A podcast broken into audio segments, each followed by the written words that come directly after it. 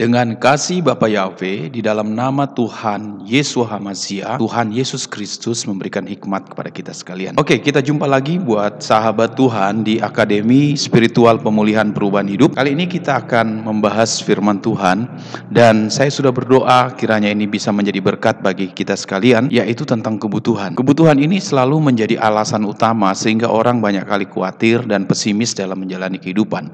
Memang kita butuh semua yang kita perlukan dalam kehidupan ini banyak. Ditambah lagi di era sekarang ini, era milenial, tayangan-tayangan di media sosial selalu menawarkan barang-barang baru. Mulai dari sepatu, baju, mobil, rumah, perhiasan, jam tangan, semua aksesoris, alat-alat kecantikan. Tawarkan seperti hujan. Kita jadi kelabakan. Kita ingin memiliki, tapi apa daya keuangan kita terbatas. Sehingga kita menjadi pesimis dengan kehidupan ini. Lalu kita menjadi seolah putus asa dan mulai-mulai menerjemahkan bahwa itu hanya dimiliki oleh orang-orang tertentu tertentu. Saya bukan dari kalangan orang berada dan sebagainya. Hari ini Anda harus berhenti dengan pemikiran negatif seperti itu. Anda harus melihat janji firman Tuhan dalam 1 Petrus 2 ayat 9. Kamu bangsa yang terpilih, umat kepunyaan Tuhan. Artinya Anda milik Tuhan, kamu milik Tuhan, milik kepunyaan Tuhan bangsa yang dipilih. Tuhan pasti mencukupkan semua kebutuhanmu. Kita coba buka di dalam Matius pasal 6 ayat 25. Di sana dikatakan begini. Karena itu aku berkata kepadamu, janganlah khawatir akan hidupmu, akan apa yang hendak kamu makan atau minum, dan janganlah khawatir pula akan tubuhmu, akan apa yang hendak kamu pakai. Bukankah hidup itu lebih penting daripada makanan dan tubuh itu lebih penting daripada pakaian? Dan Anda bisa baca seterusnya, kita loncat ayat yang ke-33.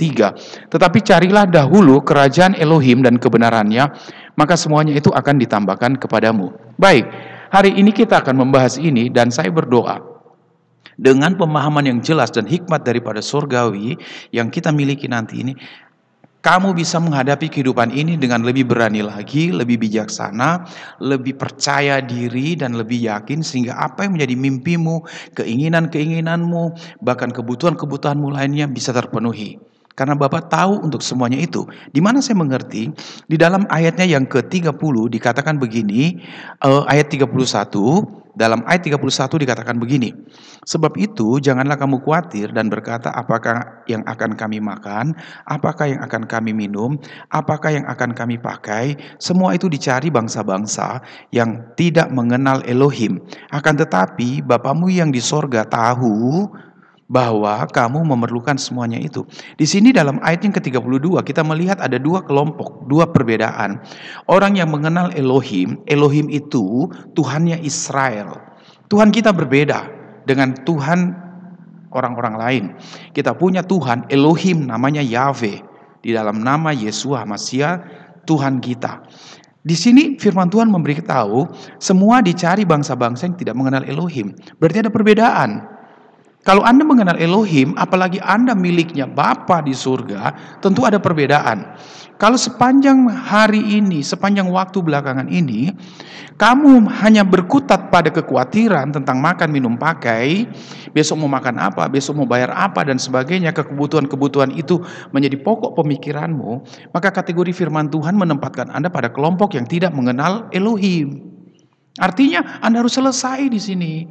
Kalau kamu tahu kamu punya Bapak, kamu milik Bapak, maka kamu tidak akan khawatir lagi untuk semuanya itu karena kamu tahu Bapakmu mengerti bahwa kamu memerlukan.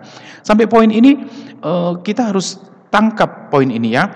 Kalau ini belum mendasar kepada kita, maka kita akan rancu. Tidak mungkin ya air tawar bisa digabung-gabung dengan air asin. Tidak bisa. Air asin ya air asin, air tawar ya air tawar. Sekarang sekali lagi, semua ini makan minum pakai dicari oleh bangsa-bangsa yang tidak mengenal Elohim. Tetapi Bapamu yang di surga tahu kamu memerlukannya. Kalau kita percaya bahwa Bapa pemilik langit dan bumi tahu bahwa kita memerlukan semua kebutuhan-kebutuhan ini, harusnya Anda tidak perlu khawatir. Tetapi Anda anda karena kenapa? Firman Yahweh dalam ratapan 3 21 22 di sana dikatakan rahmatnya selalu baru setiap hari.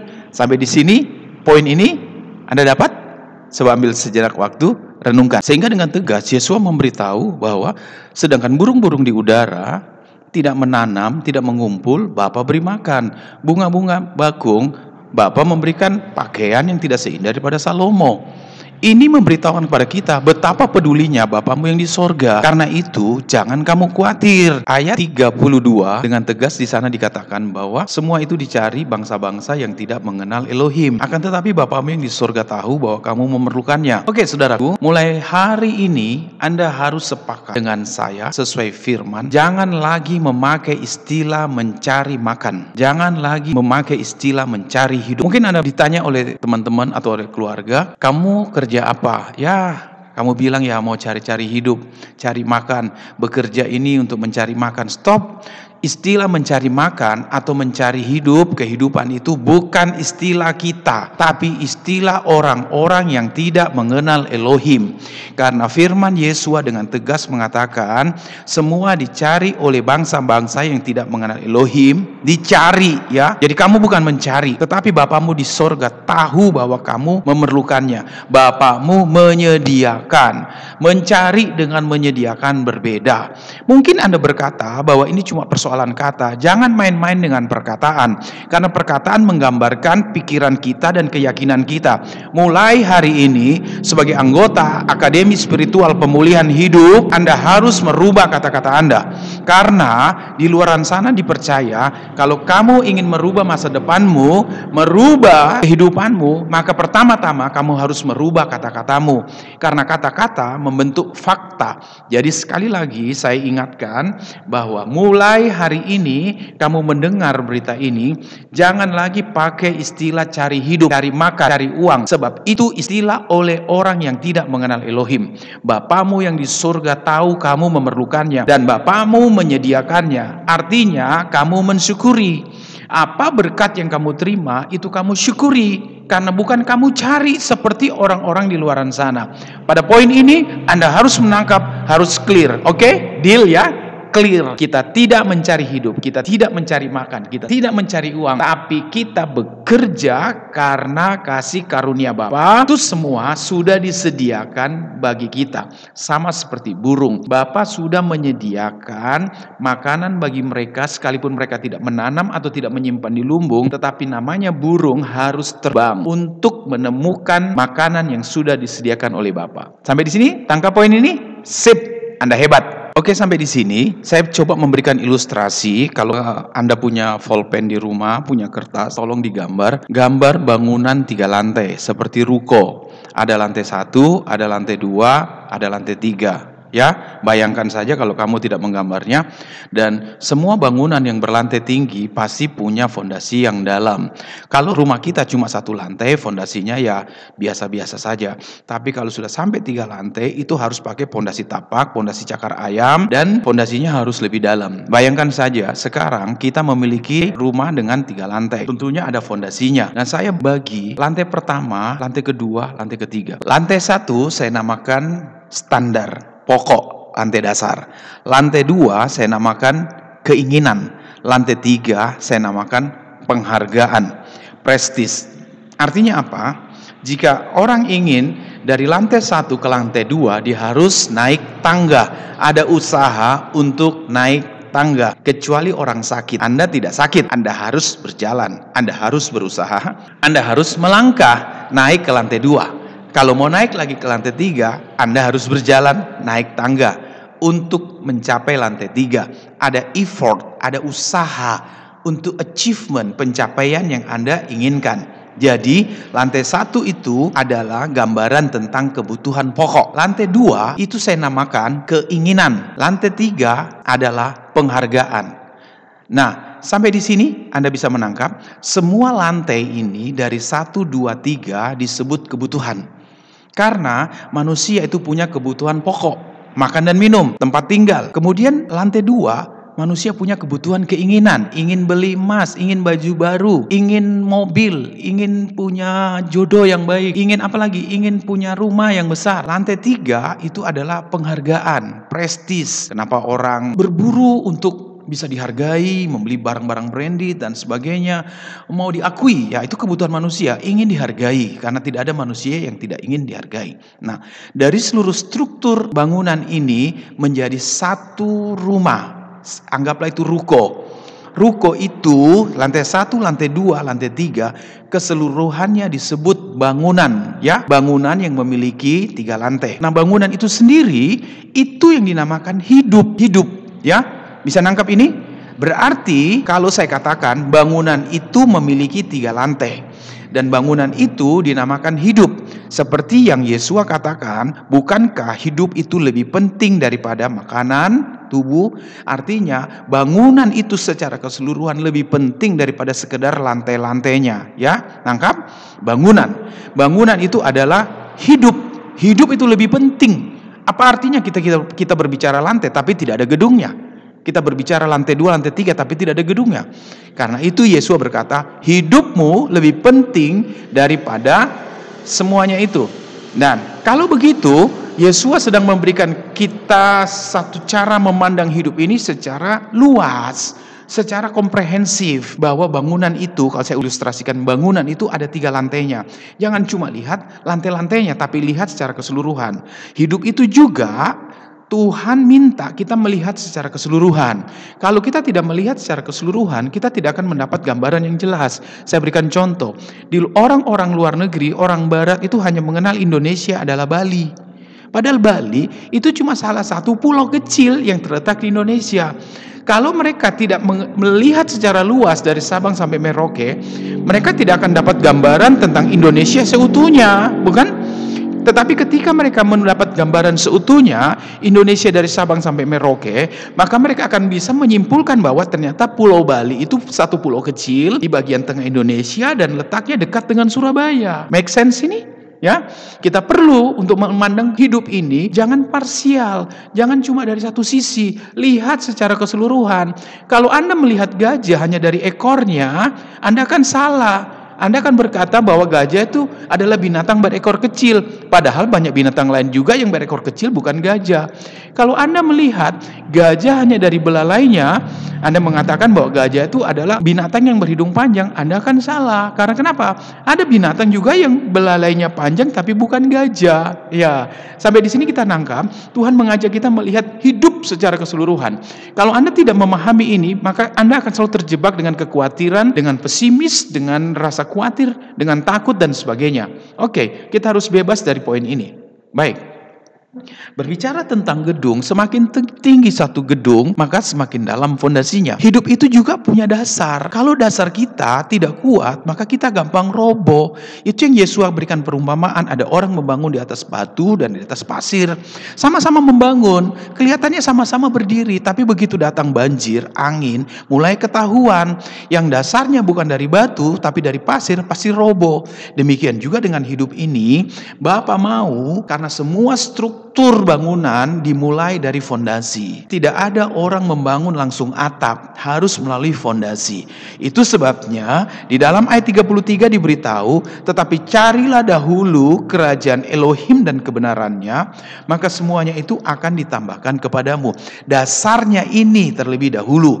Perhatikan baik-baik ayat itu tetapi carilah dahulu. Artinya, yang pertama kamu harus temukan, atau yang pertama harus kamu lakukan, atau yang paling penting, yang paling awal, yang harus kamu gali adalah pondasi. Jadi hari ini Anda tidak perlu khawatir tentang masa depan, tentang kebutuhan, tentang keinginan, tentang prestis penghargaan. Lantai-lantainya itu Bapak pasti akan memberikan kepadamu semuanya. Karena itu merupakan kebutuhan juga. Kebutuhan pokok, kebutuhan akan keinginan. Kamu ingin punya mobil, ingin punya rumah, ingin menyekolahkan anak, ingin keluar negeri, ingin jalan-jalan, ingin punya emas dan sebagainya. Atau prestis mau dihargai, mau dihormati dan sebagainya. Bapak tahu kamu perlukan. Tapi yang paling pertama, Bapak memberitahu Bangun dulu fondasinya, ya. Kita nggak boleh sama dengan orang di luar sana. Kita nggak boleh sama dengan orang-orang tidak mengenal Elohim. Karena Bapak mau bangunan yang kamu bangun nanti itu strukturnya kuat. Karena ke depan bencana, badai hidup itu banyak. Tetapi kalau fondasimu kuat, kamu tidak roboh. Kita kan nggak mau dikatakan sebagai orang dulu sukses tapi sekarang sudah berantakan. Kan kita nggak mau. Karena janji Tuhan itu pasti digenapi. Kamu akan jadi kepala bukan ekor naik dan tidak akan turun. Jadi apa artinya? Kaya cuma sejenak saja. Begitu masa tua hancur-hancuran. Kita kan nggak mau. Karena sampai masa tua pun kita masih gemuk dan segar. Janji Bapak itu dia akan genapi. Karena itu kita diberitahu ayat 33. Cari dahulu kerajaan Elohim dan kebenarannya. Maka semuanya akan ditambahkan kepadamu. Saya sudah uraikan tadi. Ditambahkan itu berbeda dengan diberi Artinya apa? Kalau kamu minta lima, saya beri lima itu namanya diberi. Tapi kalau kamu minta lima, saya kasih sepuluh, itu bukan diberi, ditambahkan namanya. Atau kalau kamu tidak meminta, tapi saya memberi banyak, itu bukan diberi, ditambahkan kepadamu. Nah rahasianya di sini, apa itu kerajaan Elohim? Bicara kerajaan itu bicara tentang kuasa. Kekuatan suatu bangunan, struktur bangunan terletak pada fondasinya. Fondasinya harus kuat harus dari batu-batu gunung yang kuat, bukan batu-batu tanah yang gampang hancur, batu kali, batu gunung yang kuat. Ini yang Tuhan beritahu. Cari dahulu, gali dahulu, temukan dahulu kerajaan Elohim. Berbicara tentang kuasa. Anda harus final di sini. Anda harus tamat di sini. Anda harus percaya bahwa kuasa Tuhan lebih besar daripada segala kekuasaan yang pernah ada di bumi. Baik kuasa raja, kuasa presiden, kuasa miliarder, kuasa orang yang pernah hidup di bumi ini, kuasa malaikat, kuasa setan, kuasa Tuhan adalah lebih besar. Kuasa Elohim lebih besar. Anda harus percaya dulu hal ini. Anda harus matang dulu di sini. Jangan dulu membangun lantai satu, lantai dua, lantai tiga. Kalau kamu belum benar tamat dalam pelajaran ini, kamu harus yakin seyakin-yakinnya bahwa kuasa kuasa Tuhanmu itu tak terbatas. Ada lagu mengatakan, tak terbatas kuasamu Tuhan. Semua dapat kau lakukan. Itu harus manunggal dengan Anda. Harus masuk di dalam hatimu. Harus menjadi sesuatu yang tidak tergoyahkan lagi. Harus utuh, harus kuat, harus solid. Ya, jangan goyah di situ. Batu fondasi itu harus kuat, solid, berat, teguh. Anda tidak boleh hilang dari itu. Kuasa Tuhan lebih besar daripada segala-galanya. Ini bukan hanya teori omongan, tapi sudah merasuk ke jantungmu, merasuk ke jiwamu, merasuk ke rohmu. Kamu percaya bahwa Tuhan berdaulat. Elohim berkuasa Yahweh Sebaot, Bapa semesta alam, berkuasa. Dia pencipta langit dan bumi. Itu dulu kamu harus utak-atik dalami, hadalami, dalami, dalami, dalami. Kemudian yang berikutnya, kebenaran. Kebenaran itu sama seperti semen, agregat yang memperkuat struktur perekat utama. Walaupun batu itu solid, kuat, tapi kalau tidak dilekatkan dengan agregat, dengan semen yang baik, maka dia tidak akan bisa menyatu menjadi sebuah struktur yang solid di dalam tanah yang disebut pondasi kebenaran itu adalah firman. Kebenaran itu artinya kamu percaya Tuhan benar, firmannya tidak bohong, semua janjinya pasti, sekalipun kamu berada di dalam situasi yang gelap, di bayang-bayang maut sekalipun, sekalipun kamu diperhadapkan dengan situasi yang tidak menentu, seolah-olah semua jalan itu tertutup, bahkan maut di depanmu, sampai detik itu kamu harus percaya bahwa firmannya, perkataannya tidak berubah. Harus selesai dulu di situ. Kalau kamu belum selesai, kamu akan rapuh nanti dalam kehidupan ini. Dan kita harus tahu kuasa Tuhan tak terbatas dan semua perkataan firmannya, janjinya itu benar tidak perlu disangsikan lagi. Habakuk berkata dalam Habakuk pasal 3, sekalipun pon ara tidak berbuah, pon saitun mengecewakan, tidak ada lembu, tidak ada domba di kandang, aku tetap beria-ria di dalam Tuhan. Artinya tentang kebenaran firman walaupun itu belum terjadi, dia tetap percaya bahwa firman Tuhan pasti terjadi dan itu benar benar. Sampai di sini Anda bisa menangkap ini poin yang sangat penting. Kerajaan Elohim, kerajaan Bapa itu kuasa yang tak terbatas dan firmannya dari dulu sampai sekarang tidak berubah. Langit dan bumi akan lenyap. Tapi firman Tuhan tinggal kekal buat selama-lamanya. Harus masuk itu menjadi satu kesatuan yang kuat dalam jiwa dan rohmu. Bahkan di sumsum -sum tulangmu, sel darah merahmu bisa berkata, Yahwehku berkuasa. Firmannya tidak pernah salah, selalu tepat pada sasaran. Haleluya, haleluya. Luar biasa, luar biasa.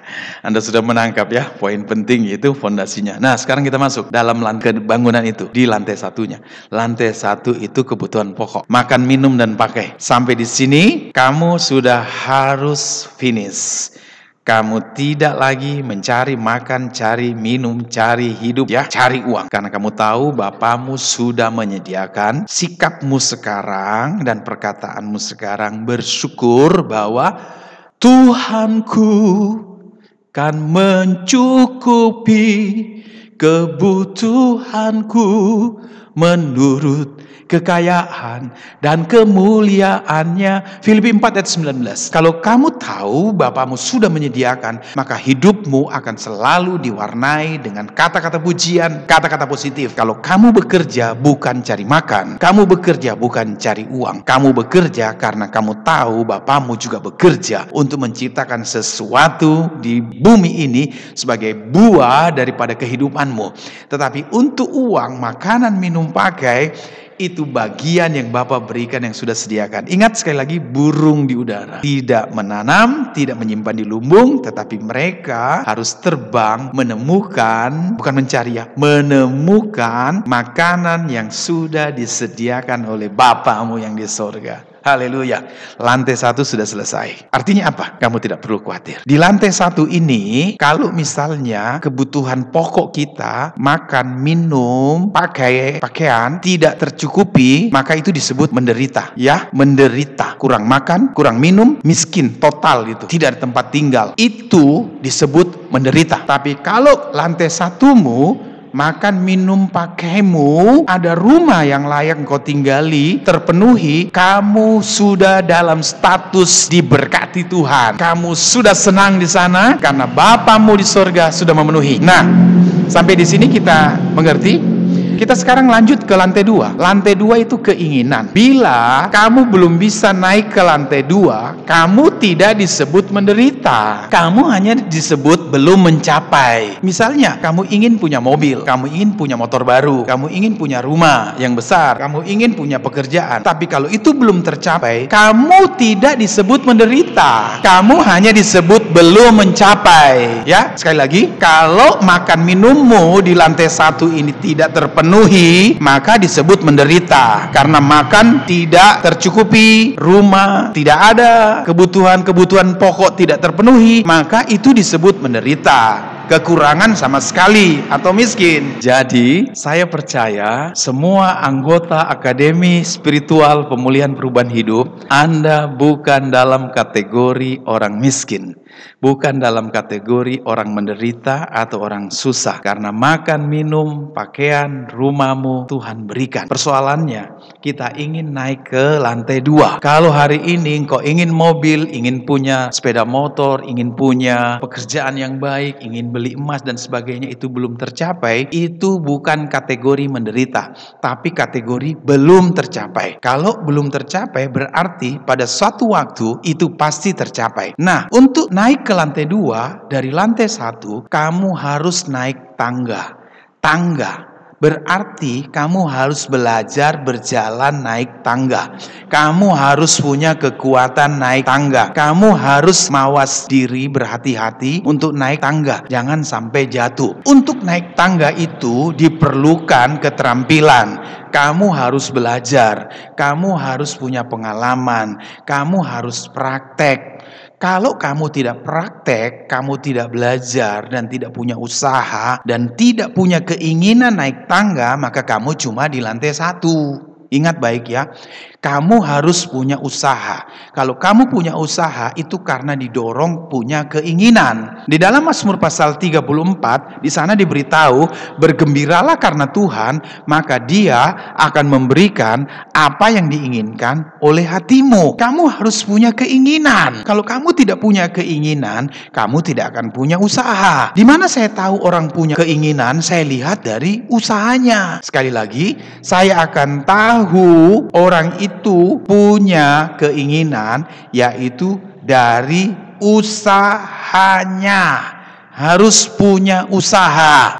Oke, saya ralat di Mazmur 37 ayat yang keempat dan bergembiralah karena Tuhan, karena Yahweh, maka Ia akan memberikan kepadamu apa yang diinginkan hatimu. Nah, sekarang dalam kehidupanmu, bangunan itu setiap kita memiliki kehidupan, memiliki bangunan itu ada tiga lantainya. Lantai satu, lantai dua, lantai tiga. Sudah diberikan Tuhan itu kepadamu. Sekarang harus ada usahamu naik ke lantai dua, naik ke lantai tiga. Nah, Tuhan sudah memberikan itu semua kepadamu dan fondasi kita sudah pasang di sana. Untuk naik dari lantai satu ke lantai dua, kamu harus punya keinginan. Dengan keinginan yang kuat, maka akan ada usahamu. Jadi sekali lagi, saya akan tahu ini orang punya keinginan dari mana? Dari usahanya. Kamu nggak boleh cuma duduk-duduk menginginkan. Kalau kamu duduk-duduk menginginkan dan not take action, kamu tidak membuat tindakan, kamu tidak bekerja, kamu tidak berusaha, kamu gampang menyerah, kamu gampang kecewa, kamu gampang minder, kamu gampang mempersalahkan orang, mempersalahkan keadaan, berarti yang ada dalam dirimu bukan keinginan. Karena keinginan yang sejati harus disertai dengan usaha. Di luar sana dibilang, di mana ada kemauan, di situ ada jalan. Seringkali banyak orang-orang yang mengatasnamakan percaya iman kepada Yesua, mentoknya di sini berkata iman, tapi mereka tidak berusaha. Kalau toh mereka berusaha, mereka tidak tekun, mereka tidak punya daya tahan, mereka gampang menyerah, lalu mereka mempersalahkan diri, mempersalahkan keadaan, mempersalahkan orang lain. Itu bukan iman. Iman yang sejati itu seperti sinar laser, walaupun kecil tapi dia bisa membelah baja. Iman itu seperti konslet, ya seperti beton yang kuat sekali badai apa pun terjadi, dia tetap eksis berdiri dengan iman. Kalau kamu bilang kamu punya iman, tunjukkan usahamu. Usahamu seperti apa? Kalau kamu lembek, kamu gampang menyerah, kamu gampang mundur, kamu tidak gigih dan ulet, gampang tersinggung, itu membuktikan imanmu tidak kuat.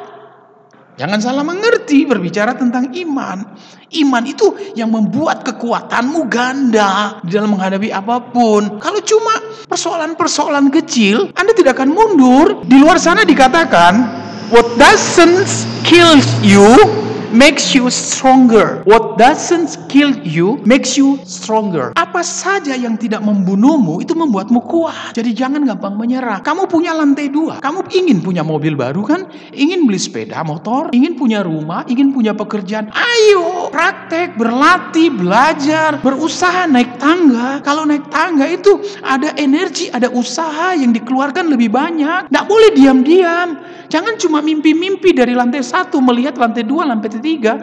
Berita baiknya, semua lantai di dalam bangunan itu milikmu bro, milikmu. Dan rumah itu milikmu. Yang bisa naik ke lantai satu, ke lantai dua, lantai tiga, dan seterusnya cuma kamu. Kamu harus berusaha, kamu harus bangkit, kamu harus punya keinginan. Ingat loh, kamu tidak menderita. Karena lantai satumu sudah dipenuhi oleh Bapa di sorga. Sekarang Bapa memberikan lantai dua, keinginan. Lantai tiga, penghargaan dan prestis itu tergantung kamu. Kamu harus melangkah, harus belajar. Jangan berhenti belajar, harus berusaha. Memang naik tangga itu berat, tapi kamu harus menapak selangkah demi selangkah, selevel demi selevel. Kata Abraham Lincoln, aku bukan pelari cepat, tapi aku tidak pernah berjalan mundur. Mungkin kamu termasuk orang yang lamban sekali, tapi kalau itu terus kamu lakukan, kamu pasti sampai naik ke level berikutnya. Ayo lakukan itu, ya. Jangan diam, jangan menyerah. Anda ada di Akademi Spiritual Pemulihan Perubahan hidup, Anda di sini ditantang, Anda di sini dibentuk, Anda di sini dimotivasi. Motivasi kita bukan motivasi dari seorang profesor doktor. Motivasi kita dari ilham Roh Kudus melalui firman Yahweh, langit dan bumi akan lenyap, tapi firman yang tinggal kekal buat selama-lamanya. Kalau kamu sudah mau melangkah, berusaha dengan sungguh-sungguh, tidak ada yang mustahil bagi orang percaya. Yesua mengatakan kalau kamu berkata kepada gunung ini tercampaklah ke laut, maka dia akan tercampak ke laut mengikuti perintahmu asal kata Yesua, kamu tidak bisa berimbang dengan apa yang kamu katakan. Di mana ayatnya? Markus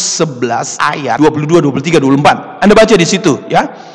Jadi bagi orang percaya tidak ada yang mustahil. Kalau hari ini kamu ingin punya mobil baru, asal kamu berusaha, kamu belajar, kamu sungguh-sungguh, kamu mulai mengatur keuangan, mengatur waktu, mengatur kerja dan fokus pada sasaranmu, cepat atau lambat pasti akan tercapai. Eh bro, bro, sis, jangan kamu berpikir, tapi usiaku masih muda atau usiaku sudah tua. Eh, pret dengan semua itu. Kesuksesan dan pencapaian tidak tergantung pada usiamu kesuksesan dan pencapaian tidak tergantung pada usiamu, tapi tergantung pada kemauan dan usahamu.